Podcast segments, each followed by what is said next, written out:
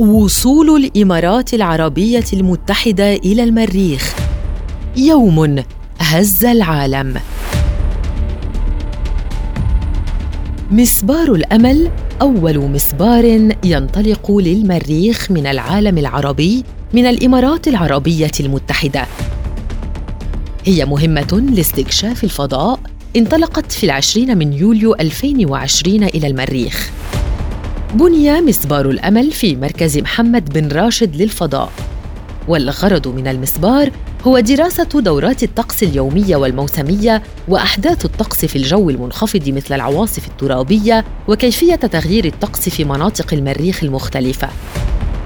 وسيستخدم المسبار لمحاولة الإجابة عن الأسئلة العلمية حول سبب فقدان الغلاف الجوي للمريخ للهيدروجين والأكسجين في الفضاء والسبب وراء التغيرات المناخية الشديدة في المريخ. تزامن وصول المسبار إلى مداره حول المريخ في فبراير 2021 مع احتفالات الإمارات بيوبيلها الذهبي لمرور 50 عاماً على تأسيسها.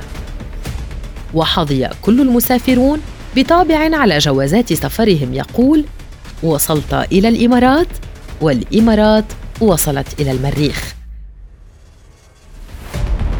وبهذا تكون الإمارات العربية المتحدة أول بلد عربي ينجح في ذلك.